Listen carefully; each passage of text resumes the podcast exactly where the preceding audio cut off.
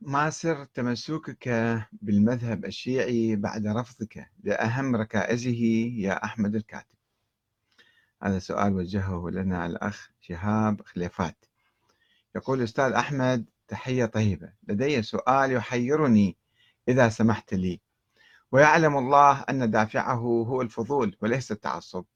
سؤالي هو لماذا ما زلت تتكلم بلسان الشيعة وتنسب نفسك لهم؟ رغم أنك توصلت بنفسك وعن طريق بحثك إلى نتيجة مفادها أن الركائز الأساسية التي يقوم عليها المذهب هي من اختراع المتعصبين والإخباريين. باختصار شديد ما سر تمسكك بالمذهب؟ في الحقيقة الجواب أيضا بسيط لأن المذهب هو الإسلام. يعني عندما أصبح كنت شيعيا مثلا أو الآن أنا شيعي أنا أؤمن بالله تعالى وأؤمن بالنبي محمد وأؤمن باليوم الآخر أؤمن بالملائكة بأنبياء السابقين. أصلي أصوم أحج أزكي. مسلم الشيعة مسلمين ما في فرق يعني. وهذا الاسم يعني آه، لا يفرق الشيعة عن بقية المسلمين. إذا واحد سني مثلا انتقد بعض الأشياء بعض النظريات النظرية السياسية السنية مثلا طاعة الحكام المطلقة. يعني لا ي... لا أنه خرج من الإسلام. الإسلام واحد. هناك نظريات دخيلة على الإسلام دخيلة على السنة والشيعة. وهاي النظريات بعضها باقية بعضها زائل وبائد. ف يعني مثلا خلينا نجي على السؤال بالذات هذا. آه، التشيع نظريات عديدة. التشيع لأهل البيت حب أهل البيت هذا حب جميع المسلمين. الولاء لهم في حياتهم يعني أنت آه، تقف مع الإمام علي ضد معاوية هذا يسمى الولاء. أو مع الإمام الحسين ضد يزيد أو مع الإمام زيد ضد هشام بن عبد الملك وهكذا. هذا يسمى الولاء. الولاء غير الحب أكثر يعني أنت توالي واحد تتبعه من حزبة تكون. طيب هذا الآن مو موجودين أهل البيت حتى إحنا نواليهم بهذه الصورة إنما الحب باقي. الاقتداء بهم يعني الإمام علي كان مثلا يأمر بالعدل وبالمساواة. إحنا أيضا يجب أن نقتدي به. الإمام الحسين ثار ضد الظالمين وضد الحكام اللي يستولون على السلطة بالقوة المستبدين. إحنا أيضا يمكن أن نقتدي بالحسين ولا نقتدي بيزيد وشيوخ يزيد جماعته يعني الذين يبررون طاعة الحاكم الظالم. فإذا إحنا تمايزنا. التشيع عبر التاريخ لم يكن يقبل يعني حب أهل البيت واتباعهم يعني مقاومة الظالمين. يعني نصرة المستضعفين.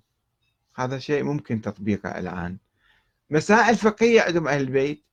أنا مثلا أتبعهم في هذه المسائل أو آه، أميل إليها. فهذا أيضا ممكن بعض المسائل. الفقهية ومسائل محدودة جدا. هناك شيء آخر اسمه نظرية الإمامة الإلهية. هذه النظرية موجودة في التاريخ الشيعي خرجت بالقرن الثاني الهجري وإجوا ناس قالوا ذول الأئمة ال 12 أو الممدودين إلى آخر يوم في هذه الدنيا. هؤلاء معصومون منصبون من قبل الله تعالى وهم بهاي السلالة. هاي النظرية اسمها نظرية الإمامة الإلهية. هاي النظرية أيضا غير موجودة وما لها أثر في الحياة. يعني إحدى سواء قلنا بهذه النظرية أو لم نقل بهذه النظرية ماذا يترتب علينا؟ المسائل الفقهية؟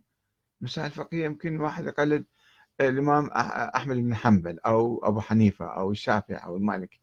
مو مشكلة أربع خمس مسائل. وإحنا الآن الشيعة يعني عموما يقلدون المراجع يتبعون المراجع اللي هم فقهاء جدد وعندهم مسائل مئات الآلاف بالمسائل عندهم. فما صار هذا المذهب مميز. يعني إذا اتبعت الإمام جعفر الصادق في أربع خمس مسائل أنت صرت جعفري يعني ولا صرت سستاني أو شيرازي أو خميني أو أو شريعة مداري. أنت تتبع العالم اللي عندك. ما تتبع الإمام جعفر الصادق. في تسع تسع تسعة وتسعين أو تسعمية وتسعة وتسعين مسألة تتبع أنت المرجع مالك ومسألة واحدة مسألتين تتبع الإمام جعفر الصادق فشنو شنو المعنى الأثر؟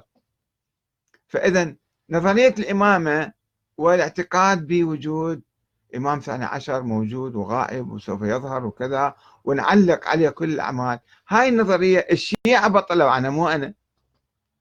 الشيعة اليوم روحوا تشوفوهم بإيران بالعراق بلبنان بباكستان بأفغانستان بالخليج وين ما تروحون. يقول لك إحنا يجب أن نعمل ونقوم بثورة ونأسس حكومة. وهذا الحاكم مالنا مو شرط يكون معصوم معين من قبل الله. يجوز يصير واحد عالم عادل ولا إنسان عادي. فإذا هناك تجاوز. بعض النظريات ما يمكن تطبيقها نظريات بائدة. ومنقرضة. وبعض العناصر في التشيع القديم هذه باقية خالدة بالحقيقة. الحسين خالد فكرة الحسين. يعني فكرة الخروج على الظالم والمستبد. هاي الفكرة موجودة ليس عند الشيعة فقط. عند كل المسلمين وعند كل العالم. فكرة معقولة. أو العدالة والمساواة. هذه كل العالم يبحث عنها اليوم. ففي عناصر في ليش نقول أنه الشيعة يتميزون بذلك؟ لأنه في مقابل الشيعة هناك علماء سلاطين سووا تراث استبدادي والتراث يقبل بالظلم ويقول حتى الله مو عادل الله يمكن يكون ظالم. يمكن واحد يعبد يعبد الله طول حياته والله يوديه بالنار وواحد يعصي الله طول حياته والله يوديه بالجنة الله حر. أكو ناس يقولون الكلام هذا غير معقول. فهذا الكلام هو الذي يميز الفكر الشيعي عن غيره. ويخليني أنا مثلا أنتمي للتشيع لحب أهل البيت للاقتداء بهم. أما النظريات اللي الان ما يمكن تطبيقها والشيعة متخلين عنها. فالسؤال ما يتوجه إلي؟ يقول ما سر تمسكك بالمذهب بعد رفضك لأهم ركائزه؟ إذا كانت نظرية الإمامة الإلهية هي أهم ركيزة فالشيعة أيضا متخلين عنها. وجه السؤال للشيعة أقول لهم ليش أنتم تقولون إحنا شيعة؟ في الحقيقة هي فقط أسماء وهمية صارت أسماء يعني تاريخية هذا شيعي وهذا سني. كل المسلمين اليوم يشتركون في البحث عن الحق والعدالة والحرية والمساواة والاستقلال والكرامة ومقاومة الظالمين. كل المسلمين فلم يعد أن واحد يقول أنا شيعي ولا أنا سني ولا هذه أسماء تاريخية وهمية وهذا الخلاف وهمي.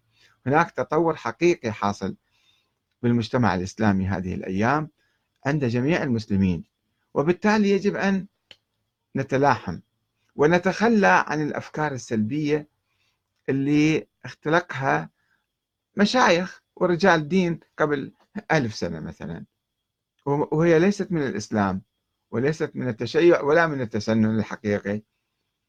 التسنن الحقيقي أيضا كان يقوم على الشورى ولكن الذين تخلوا عن الشورى وكرسوا الاستبداد. هؤلاء كانوا خاطئين.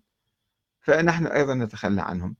سواء كنت سنيا أو شيعيا يجب أن أتخلى عن الأفكار الدخيلة الخاطئة. أجتهد فكر أشغل عقلي. وسواء كنت سنيا أو شيعيا الأفكار الحقة والإيجابية والحلوة